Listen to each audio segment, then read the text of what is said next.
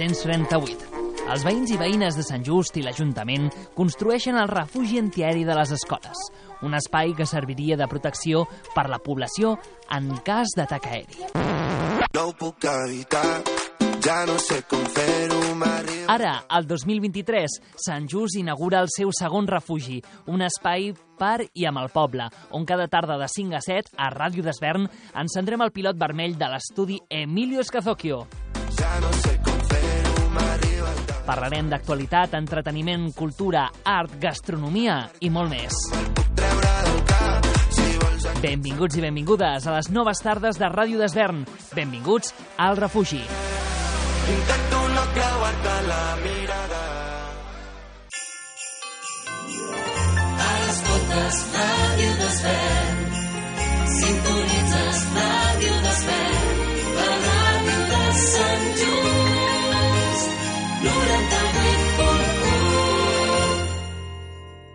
Smooth Jazz